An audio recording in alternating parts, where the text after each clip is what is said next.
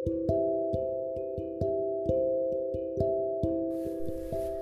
teman-teman semuanya, Assalamualaikum warahmatullahi wabarakatuh. Gimana kabarnya? Semoga sehat selalu dan dalam lindungan Allah ya.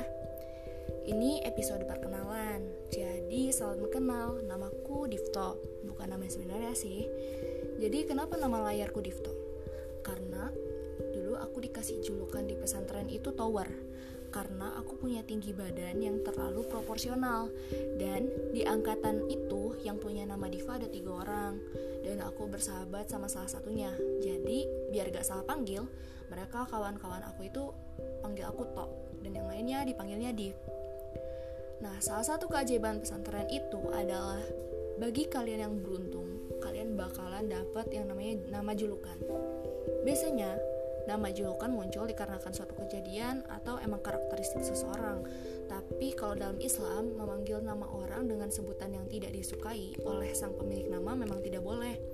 Misalnya, namanya Vina. Terus karena punya berat badan yang berlebih, jadi dipanggil Pidut. Nah, terus si Vina ini gak suka.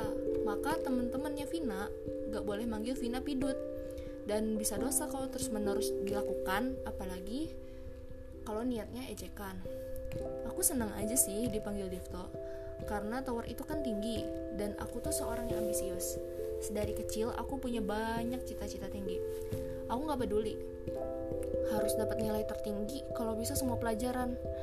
Walau ujung-ujungnya pas udah gede malah takut ketinggian. ambisius itu bagus kok. Setidaknya berani berusaha menggapai impian daripada malah tidak punya impian atau bahkan punya impian tapi nggak mau berusaha. Jadi buat kalian terus jadikan diri kalian ambisius dalam menggapai impian kalian ya dan jangan mudah menyerah.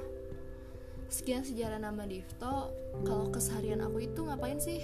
Keseharian aku cuma nuntut ilmu di suatu kampus di Yogyakarta. Dan asal aku dari Banten, orang Sunda asli. Tapi nggak fasih ngomong Sunda Dulu pernah sih nyantri sebentar di salah satu pesantren modern di pedalaman Banten.